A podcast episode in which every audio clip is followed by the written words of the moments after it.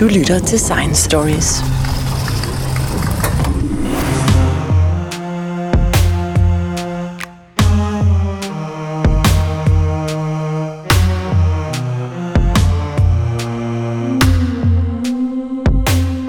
Her på Frederiksberg har vi for nylig haft problemer med drikkevandet, og det samme sker af og til rundt omkring i landet. Samtidig har man fundet et nyt stof, som hedder TFA i danske drikkevandsboringer, og nu taler en række kommuner om at rense vandet. Der er masser af foruroligende nyt om drikkevandet, og derfor har jeg taget fat i professor Hans-Jørgen Albrechtsen fra DTU.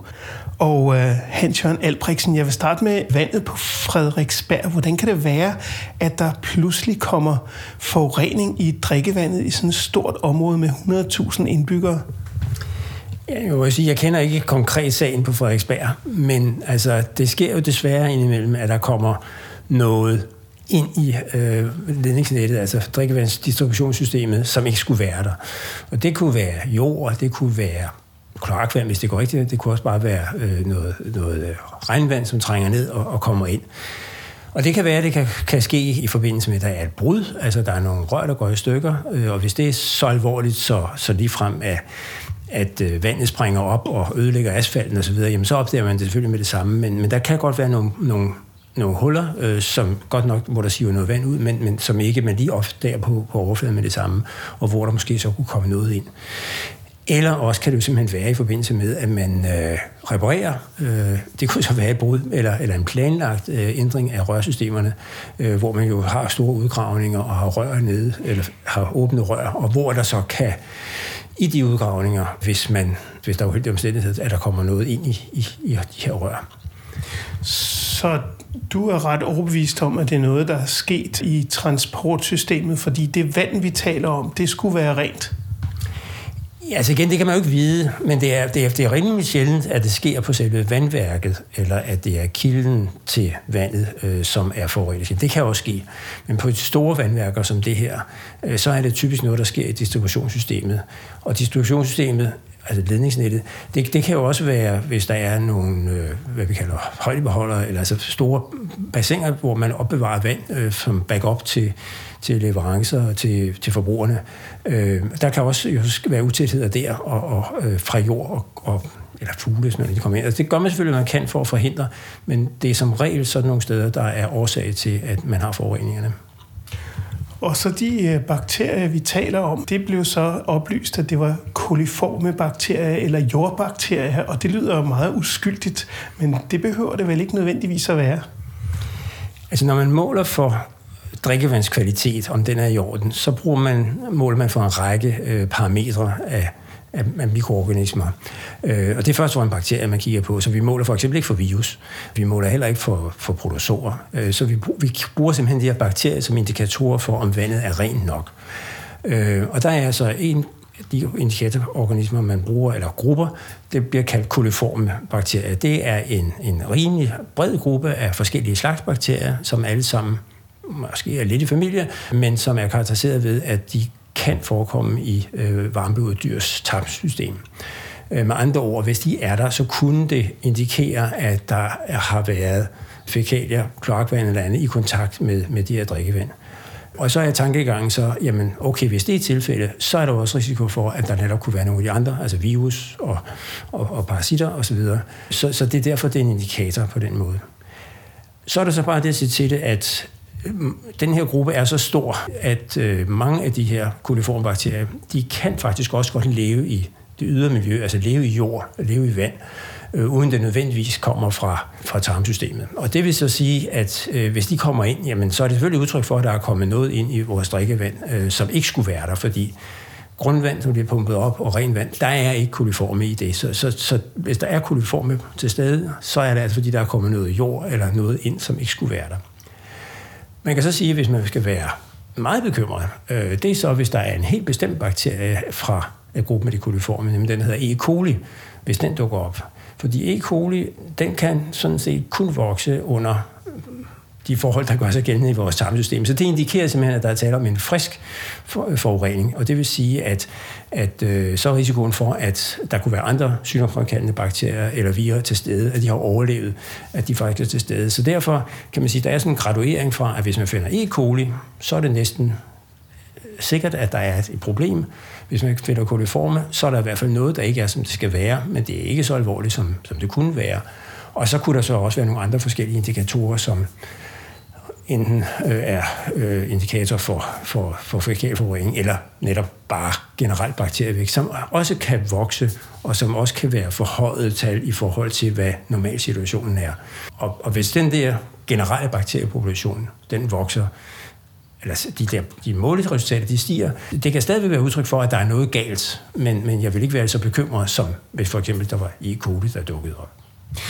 Men hvor slemt er det? Altså, hvor slemt er det at drikke det her vand? Nu har vi jo kogt vandet i en uge, men hvad nu, hvis man kom til lige at, at tage et lille sip af vandet ved et uheld, man lige glemte det? Er det sådan, at, at folk bliver meget syge, eller bare sådan får lidt dårlig mave? Altså, det afhænger nok meget af, hvor, hvor uheldig du måtte være i den situation. Fordi, altså, du kan jo sammenligne det en lille smule med, at hvis du er øh, ude i, øh, i haven eller noget, og, og går og roder i jorden, og, og, og så får du af en eller anden årsag fået puttet nogle fingre i, i munden, så der kommer jord, øh, jordbakterier. Der skal som nok også være nogle koliforme bakterier i det. Øh, og selvfølgelig, hvis du er særlig følsom, eller du er meget uheldig, så kan du godt blive syg af det, men sandsynligheden er ikke særlig stor. Øh, men det er klart, at hvis du så tilsvarende stikker den, øh, dine fingre ned i noget kloakvand, altså, og, og får, øh, hvad skal man sige, også øh, et antal af koliformbakterier på, på fingrene og, og får dem i munden, jamen så er risikoen for, at der er nogle af de andre sygdomsfremkaldende bakterier eller virus til stede, den er meget større. Så det er sådan en graduering. Og umiddelbart, hvis du, som du siger, tager et lille sip af Frederiksbergvandet, så uden at kende til sagen, så, så, så vil jeg nok ikke være voldsomt bekymret, men der er en risiko. Og det er også sådan, at, at der er også en, en sammenhæng mellem, øh, hvor mange af de der sygdomsfremkaldende bakterier, du får indbords, øh, og hvor stor sandsynligheden er for, at du bliver, bliver syg. Øh, og der er faktisk en række af de der sygdomsfremkaldende bakterier eller virus, hvor fordi du bare får en enkelt bakterie, så, så bliver du nok ikke syg, fordi øh, den kommer ned i din mave, du har mavesyre, pH bliver 2, og, og det slår som regel øh, den her øh, ihjel. Så, så, så man taler om det, der hedder en infektiøs dosis, det vil sige, at og det er meget forskelligt for de forskellige organismer, men, men øh, for mange, øh, der kræver det, at du får en, en rimelig stor portion for, at du rent faktisk bliver syg. Så er der selvfølgelig altid undtagelserne, og der er sådan nogle, nogle af de her parasitter, som øh, hedder Giardia eller Cryptosporidium. Det er ikke noget, vi slås særlig meget med i, i Danmark, men, øh, men, men kommer man til, til, til Afrika for eksempel, øh, så er det meget udbredte sygdomme. Øh, og der er det faktisk sådan, at bare én af de organismer øh, er nok til, at man bliver syg. Så, så det er sådan den ekstreme øh, situation, at, at der bare en nok til at gøre udfaldet. Jeg tror, at Giardia er mest berømt for Leningrad, hvor det var i, i vandsystemet i, i mange år. Jeg ved ikke, om det stadigvæk er der. Men der er også, hvis nu skal jeg tage den, altså der var også en situation over i uh, Milwaukee, over i uh, ved, de store uh, søer i, i USA, hvor der var jo 400.000 mennesker, der blev syge, uh, fordi at man fik forurenet uh, vandforsyningen med, med protozoid, ja, men, men, men, men de organismer der. Så det er ikke sådan, at det er et rent ulandsfænomen. Men øh, Hans-Jørgen Albrechtsen, det her nye stof, de har fundet i en række vandboringer rundt omkring i landet, det der hedder TCA, eller øh, trifluoracetat, det lyder da lidt farligt, gør det ikke? Ja, altså det er jo en helt anden historie end bakterierne, vil jeg sige. Og man skal selvfølgelig også, når det drejer sig om kemiske stoffer, så skal man øh, vurdere, hvor farlige de er. Og jeg tror ikke nødvendigvis, at, at TFA er så frygtelig farligt. Men man kan sige, at øh, det er jo en, en frygtelig øh, nyhed, og, og sådan set få konstateret, at var det cirka 90 procent af de boringer, som øh, Miljøstyrelsen undersøgte her før jul, at man rent faktisk fandt det her stof, og, og et ganske stort øh, andel af det var det jo over grænseværdien for pesticider. Øh, og det er så spørgsmålet, hvor kommer det her stof fra? Det, som i virkeligheden er den overraskende situation her, det er, at man finder det så udbredt, og man finder det i de der høje koncentrationer, fordi for mig at se, så, så er det jo sådan set et meget stærkt indicium på, at human aktivitet, altså kemikalier, som vi bruger i vores samfund, de nu er spredt så meget i, i miljøet, så de også forekommer i, i det grundvand, som vi pumper op og bruger til vores drikkevand.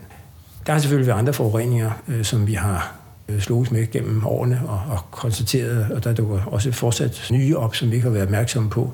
Men, men det her med, at det faktisk er en rigtig, rigtig stor del af, af vandet, som er påvirket, det må, må ligesom være det ultimative øh, indikation på, at nu er det vand, vi pumper op, det er altså noget, som vi selv har haft påvirket på et tidspunkt med vores humane aktiviteter.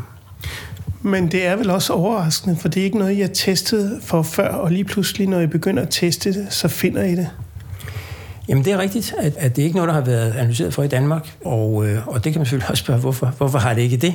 Man kan sige, at på den ene side er det ikke så overraskende, fordi hvis man kigger rundt omkring i verden, så finder man det mange steder der. Så på den måde burde vi måske nok have kigget øh, efter det lidt før i Danmark. Og jeg kan også godt sige, at det er grunden til, at, at det faktisk kom på listen nu her, det var jo lidt, at det indgik i en analysepakke, som tyskerne bruger. Men altså, da, da man skulle analysere for, for, for, for en række andre stoffer i den pakke, så kunne man lige så godt tage det med. Og så finder man det altså øh, her. Øh, så, så det har jo været en overraskelse. Og der kan man så sige, det burde man måske have kigget efter noget før, men, øh, men det har man altså ikke fået gjort. Det er jo noget, som øh, rækker langt tilbage. Jeg ved, at man plejer at sige, at grundvandet det er cirka 50 år gammelt almindeligvis. Vil det sige, at det er et stof, man, øh, man begyndte at bruge for 50 år siden, eller ved man noget som helst om det? Altså, jeg vil sige, at, at øh, alderen på grundvandet, den, er, den, den spænder vidt. Altså, så, så, så jeg vil føle mig rimelig sikker, hvis jeg sagde, at det er ældre end 20 år. Men det kan også være op til 100 år. Så, så man kan sige, at, at noget af den variation, man trods alt finder, fordi det er ikke alle boringer, det er ikke alle steder, man, man finder det her stof. Øh, det kunne jo netop være et udtryk for, at, at, at der var en relation til, til grundvandsalder, men det ved jeg faktisk ikke. Men der er ingen tvivl om andet, at, at det øh, jo øh, afspejler noget aktivitet, vi har haft i samfundet på det tidspunkt, hvor det her grundvand det blev dannet, altså det vil sige 20-50 år siden. Og der er jo også meget, der tyder på, at, at øh, det her TFA øh, faktisk bliver spredt atmosfærisk. Man øh, måler det i... Øh, altså, der er tyske undersøgelser, som viser, at man finder det i koncentrationer på, jeg tror, det er cirka 0,2 eller 0,3 mikrogram per liter, det vil sige to-tre gange over den grænseværdi, for pesticider, som man har i EU, alene i regnvandet. Så det vil sige, at hvis ikke der sker nogen fjernelse af de her TFA'er, det siger jo ned, jamen så er det regnvand, det er blevet til grundvand, jamen så indeholder det selvfølgelig stadigvæk øh, de her altså 0,2 til 0,3 mikrogram af, af stoffet. Så, så det kan være, at det simpelthen er blevet spredt op i atmosfæren, og så øh, kommer ned øh, den vej. Man kan spørge, hvor kommer det så fra? Og øh, der, der er mange øh, forældre til, til det barn her, han har sagt. Øh, noget af det kunne være nogle af de her øh, florerede gasser, som vi har brugt som kølemidler i køleskabe, øh, HFC-gasser. Øh, noget af det kunne komme fra nogle tilsvarende florerede øh, gasser, man har brugt som brandhæmmere. Og man må jo så også gjort sige, at i, i EU er det i størrelsesorden 100.000 tons om året, der bliver handlet og importeret. Så, så det rene stof er altså et, et stof, som indgår i synteser eller, eller hjælpestoffer i, i kemisk produktion. Så, så stoffet er ikke kun et biprodukt, men det er rent faktisk også et, et produkt, som man bruger i den kemiske industri. Og der kan det jo også nemt tænkes, at, at der er noget, der slipper ud der i, i den sammenhæng, når man håndterer så store øh, kemikaliemængder. Og så må jeg så sige, at der er også en række pesticider, som indeholder fluoratomet, og som kunne måske give øh, TFA som en produkt. Men altså, øh, det er ikke noget, som øh, er særlig godt kortlagt, og, og det er i hvert fald ikke noget, der er afklaret på noget tidspunkt i Danmark. Men det er ikke fluren for vores tandbørstning, der er tale om? Det tror jeg ikke. Øh, øh, og uh, der tror jeg jo sådan set, at, at den fluor, den er til stede som øh, altså frit fluor, han har sagt, altså øh, F øh, som, som ionen. Det andet her, det er en organisk forbindelse, hvor det er godt nok en lille molekyle, skal jo så siges. Altså, øh, en eddikesyre, det er jo øh, øh kun to kulstofatomer, eller sådan noget lignende. Øh, og så sidder der så tre øh, fluoratomer på, på det ene af dem. Så, så det er øh, et, et simpelt molekyle. Det er også øh, interessant på den måde, at det har en en meget lav pKa-værdi. Altså det vil sige, at, at det vil næsten altid forekomme som ion, værdi pH, som forekommer ude i, i miljøet, altså lige snart man er over 2 eller pH 2 eller sådan noget så vil det være som en ion. Det gør, at det øh, jo er rimelig opløseligt i vandet. Det gør, at det øh, ikke binder sig ret godt til noget, og det dermed transporteres øh, let og hurtigt. Men hvor store er virkningerne af det her stof i miljøet? Altså, man kan måle det, man har nogle grænseværdier for det. Det må betyde, at der også er nogle øh, toksiske eller nogle negative virkninger af det her stof. Øh, mit, mit fokus det er, er grundvand og, og, og drikkevandet, øh, og, øh, og der må man så sige, at der synes jeg ikke, det hører hjemme. Øh, jeg må nok også erkende, at det nok lidt er kommet for at blive, altså fordi at øh, det er der, og det har sandsynligvis været der længe. Og, øh, og jeg må også sige sådan, at det er noget bekymrende, hvis man kigger på, hvordan muligheden er for at fjerne det, også fra, fra, fra grundvandet, eller fra, der vi producerer drikkevand, fordi det er altså ikke nemt med, med de teknologier, som vi har i spil i dag. Så jeg tror, at det er et af de stoffer, hvor man øh, må kigge øh, og lave en grundig sundhedsmæssig risikovurdering, og så må man sætte en fast, fastsætte en grænseværdi, og så sige, at så længe vi er under den, kan vi sige, at det, vores vand det er, er sikkert og sundt, og, og, øh, og hvis det så er over, så, så må man så nok lukke det pågældende boringer. Øh, det er nok de konsekvenser, jeg ser i det, som det er lige nu her, øh, med de værktøjer, vi har nu her. Men er det ikke en ny måde at, at se på drikkevandet på? Altså med, at man accepterer, at der er forurening i drikkevandet? Altså grænseværdier har der jo altid været i forhold til vores håndtering af, af grundvand og drikkevand. Øh, der er masser af grænseværdier. Der er, øh, man kan sige, nu snakker vi pesticider, der kan være organiske stoffer, klorerede forbindelser, der kan være øh, altså olie, oliestoffer øh, er også reguleret, øh, øh, og hvis vi kommer over de uorganiske stoffer, så er der jo nogle naturlige stoffer, som nitrat, nitrit. Nitrit det er faktisk ganske farligt øh, stof, så, så det er også reguleret med grænseværdier. Så der er masser af af stoffer, som vi sådan set har lavet den her vurdering, og så siger, jamen så længe vi er under den her faktor, så må vi leve med det. Altså så skal vi til at lave rent syntetisk vand, hvor vi kun sætter, tilsætter det, som vi vil have, øh, og så glemmer vi som nok noget øh, i, i det regnstykke, hvis vi kommer dertil.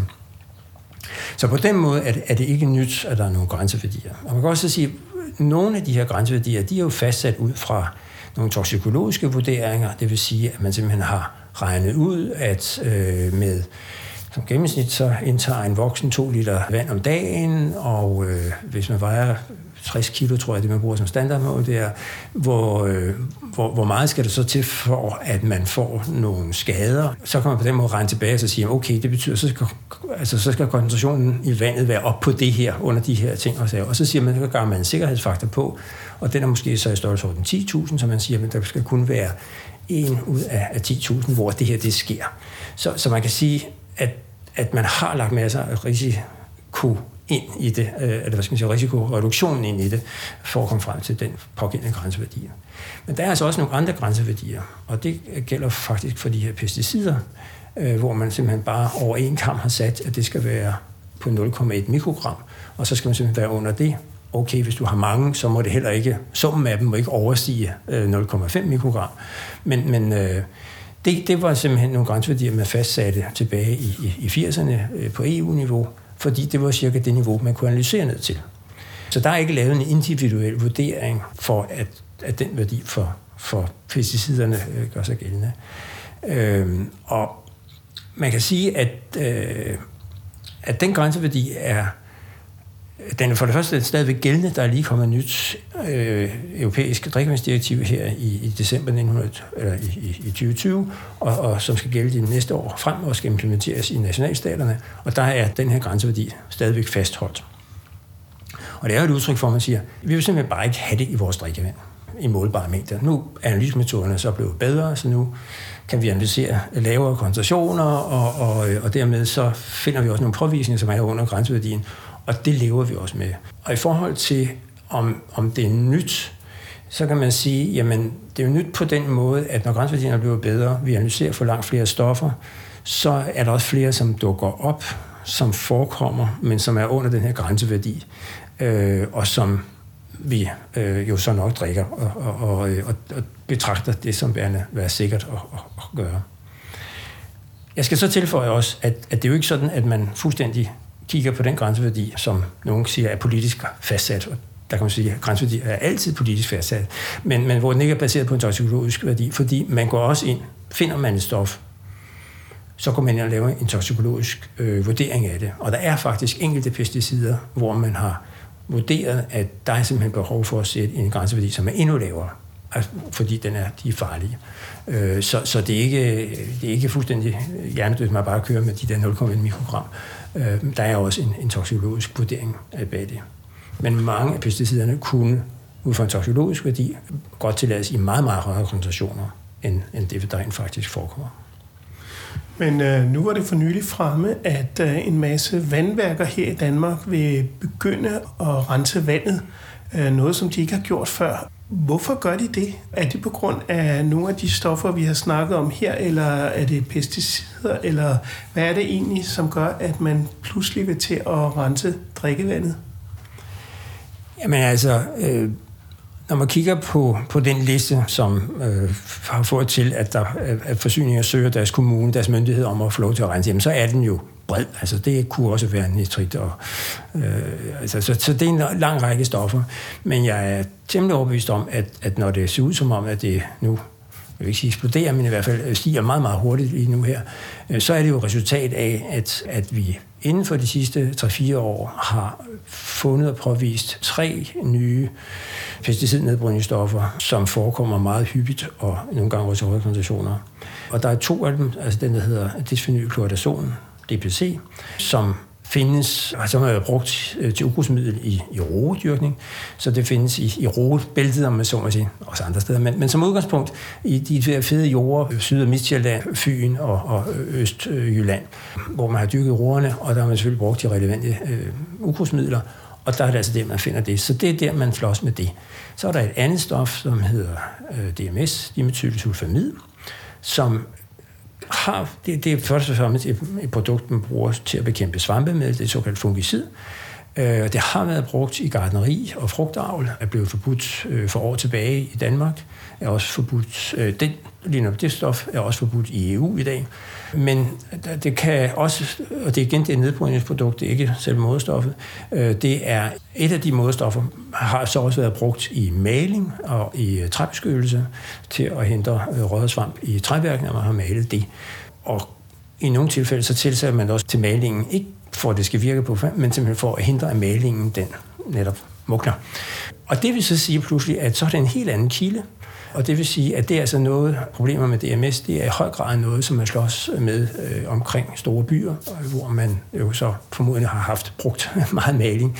Og så slås man med det der i, i navnlig hovedstadsområdet, hvor det findes i, i høje koncentrationer. Så, så der er de der to-tre stoffer, som har poppet op her, og som man først har erkendt, øh, forekommer inden for de sidste øh, to-tre år. Og desuden så måske lidt på baggrund af de forekommer de stoffer der, har Miljøstyrelsen iværksat, hvad de kalder nogle massescreeninger. Det vil simpelthen sige, at man prøver at se, hvad kan vi overhovedet analysere for, som er relevant? Hvad kan vi få analysemetoder udviklet til?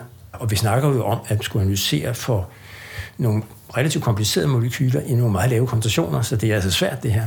Men, men der gjorde man så i, øh, i, i 19, tror jeg det var, at man, der var, jeg tror det var 300 nye stoffer, eller noget af det størrelsesorden, man analyseret for og det må man jo så sige, når man pludselig begynder at kigge så bredt, så, så er der jo altså risiko for, at man finder noget mere og noget andet. Og, og det var godt så at sige, i den forbindelse med den massescreening, man lavede med nogle nye stoffer her i, i slutningen af 2020, at det her TFA er dukket op. Så noget af misæren, kan man sige, det er jo også, at nu begynder man rent faktisk at analysere for flere stoffer, og så finder man altså også nogle af dem. Og det til sammen, det gør jo så pludselig, at forsyningerne erkender, at flere og flere af deres boringer har en eller anden påvirkning, fordi man kan sige, at TFA, den findes, øh, DMS findes, men der er ikke nogen sammenhæng mellem de her ting. Det, det, det er forskellige boringer, der dukker op i, ser det ud til. Og, og, og jeg tror altså, det er på den baggrund, at en lang række forsyninger nu begynder at sige, jamen nu må vi gøre noget for at sikre, at det vand, vi leverer til forbrugerne, fortsat er sikkert. Fordi når vores boringer begynder at være påvirket, måske endda nogle gange begynder at være overskridelser, så kan vi godt fortynde os ud af det problem i en periode. Fortynde nu det forurenede vand med noget uforurenet vand. Men på et eller andet tidspunkt, så løber vi jo tør for øh, det uforurenede vand, Og så er vi øh, simpelthen nødt til at sætte noget, noget rensning i gang for at kunne sikre, at vi kan levere øh, vand til forbrugerne i en sikker kvalitet. Men tolker jeg det rigtigt, hvis jeg siger, at et af problemerne i virkeligheden er, at man er blevet bedre til at måle? Det er ikke nødvendigvis vandet, som er blevet dårligere kvalitet, men øh, vi er simpelthen blevet bedre til at måle flere forskellige stoffer i mindre koncentrationer. Det er i hvert fald rigtigt, at vi er blevet bedre til at analysere og finde stoffer, flere stoffer og i lavere koncentrationer. Men man må også konstatere, at vi ikke analyserer for dem, så er de der jo hvis man så kan finde dem altså. Øh, så man kan sige, at vi måske bare er blevet bekendt med et problem, som måske har været der i nogle år. Og det er selvfølgelig ikke nogen behagelig tanke, at vi ikke har haft styr på, på de ting. Fordi det er jo rarere, og synes jeg i hvert fald, at, at kende til, til, til de risici, man står overfor, så man kan håndtere dem frem for øh, at pludselig blive ramt af noget, man, man, øh, man ikke vidste øh, kom er det i hvert fald et grundlæggende filosofisk spørgsmål, du lige har svaret på der, fordi øh, jeg tror, filosoferne plejer at sige, jamen, kan vi være sikre på, at verden findes, når vi ikke øh, observerer den? Og, øh, og der kan man sige, i hvert fald hvis det handler om forurening, ja, det gør den da i høj grad. Men Hans-Jørgen Albrechtsen, hvad er så løsningen? Skal vi til at drikke flaskevand igen, eller kan vi overhovedet stole på vores drikkevand, at, at det kan drikkes? Altså, jeg vil gerne starte med at sige, at jeg har absolut stor tillid til det danske drikkevand, der kommer ud af vandhænerne. Jeg er helt sikker på, at det er den bedste løsning i forhold til at drikke flaskevand osv., fordi at det, det er sikrere, og det er under kontrol i meget højere grad, end, end flaskevand er. Så, så, så der må ikke være tvivl om, at man skal blive ved med at drikke vand fra hanen, og det skal vi også kunne blive ved med fremover, og det er en klar målsætning i dansk vandforsyning. Når det så er sagt, så ja, så må man nok øh, regne med, at der skal øh, laves noget behandling eller noget, så man sikrer, at den kvalitet, der kommer ud af vandhanen, fortsat er sikker og god. Øh, og, øh, og det er jo også derfor, at hvad skal man sige, at, at branchen er så meget øh, på, på forkant med, med netop at være klar til at kunne, eller gerne vil være klar til at kunne håndtere de problemer herinde, at det bliver øh, massivt og ikke kunne håndteres. Og så synes jeg også, det er vigtigt at være opmærksom på, øh, at de stoffer, som vi snakker om her, hvad enten det så er pesticidmetabolitter eller, eller for den sags skyld andre organiske forureninger, at, at grænseværdien for pesticider er jo fastsat ud fra et ønske om, at det ikke skulle være der.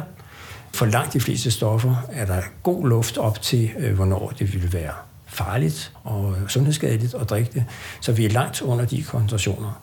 Øh, så, så af den grund, og de stoffer, som vi kender, øh, der, der, er, der mener sådan set, at, at vi har god øh, styr på det. Og så kan man så sige, at så kan der være andre stoffer, som kommer ind og som dukker op, og som ikke er pesticider, og som man så fastsætter en grænseværdi, som er toksikologisk baseret. Og der er jeg også overbevist om, at der kan vi så også holde os under den, så vi ved, hvor det er, vi skal være henne. Men det vil jeg godt lige udfordre lidt, fordi øh, hvis du siger, at de er sikre, vil det så sige, at de ikke er toksiske, så man ikke bliver syge af dem her eller nu? Eller kan man leve et langt liv, fra man bliver født til man bliver 95, eller hvor længe det nu skal være, man lever, øh, uden at det overhovedet påvirker ens liv på nogen som helst måde? Altså lige så vel som jeg ikke er filosof, så er jeg altså heller ikke toksikolog, så det er ikke helt mit fagområde. Øh, men det er min klare opfattelse, at de toksikologiske vurderinger, man laver, der tager man de ting i regning. Altså, fordi vi ved jo godt, at vand, det er noget, vi bruger hver eneste dag. Så når man lægger de sikkerhedsfaktorer ind på vand, så er det noget andet, end hvis det var på rosiner, eller det var på, ja, hvad ved jeg, et eller andet specialprodukt, som man spiser til, til festlige lejligheder, øh, og så kan måske acceptere nogle lidt højere øh, koncentrationer i den, den sammenhæng. Igen, uden at være ekspert på det område der, så ved jeg, at vand bliver håndteret på en anden måde, fordi netop, at vi ved, at alle indtager vand hver eneste dag i hele livet. Så vi kan i hvert fald indtil videre være sikre på vores vand? Altså, jeg vil sige, at hvis, vi, hvis man kigger på akut sygdom, Altså det, at folk bliver syge og registreret syge. Så, og hvis man så kigger ud over, hvad der er statistikker i Danmark og på EU osv., jamen altså, så finder man... I Danmark er det jo øh, ikke engang hvert år, vi registrerer nogen, der bliver syge af drikkevand. Og vi ved jo, der er betydeligt øh, antal, der bliver syge af, af, af fødevarer i Danmark. Når vi kigger på EU-niveau, øh, så er det cirka 100 gange flere udbrud, der har været relateret til fødevarer, end der har været til drikkevand i forhold øh, til de sidste 5-8 øh, øh, år, hvor man har registreret det nu her. Og det samme gælder sådan set. En ting er antallet af udbrud, men anden ting er også, hvor, hvor mange der så blev, blev øh, omfattet af de her ting, hvor mange der er blevet syge, og det er også øh, den størrelsesorden, altså cirka 100 gange flere. Man hører sjældent om drikkevand, som har gjort folk syge. Altså, hvor ofte sker det? Er det sådan en enkelt tilfælde, eller er det sådan store områder, når der har været en, en forurening fra en eller anden boring? Der har været historisk set inden for de sidste 10 år et øh, par tilfælde, Køge og Tune for eksempel, hvor der var i størrelsesorden 200-300 mennesker, øh, der blev syge i hvert tilfælde i forbindelse med en forurening i ledningsnettet. Så det sker men der har også været, hvis vi kigger øh, i over samme årrække, har der været år, hvor vi ikke har registreret nogen, der er blevet syge. Det at relatere sygdom til drikkevand er en rimelig sjælden hændelse i Danmark. Tak skal du have, Hans Jørgen Albrechtsen.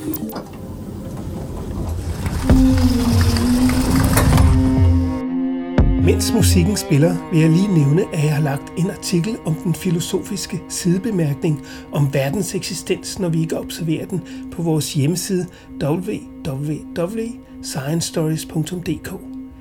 Det er et centralt emne for kvantefysikkens Københavnerskole, som vi helt sikkert kommer tilbage til i et kommende program. Find Science Stories på sociale medier og giv os meget gerne kommentarer. Og glem ikke at evaluere programmet på din podcast-platform. Jeg hedder Jens Deget, og dette var Science Stories.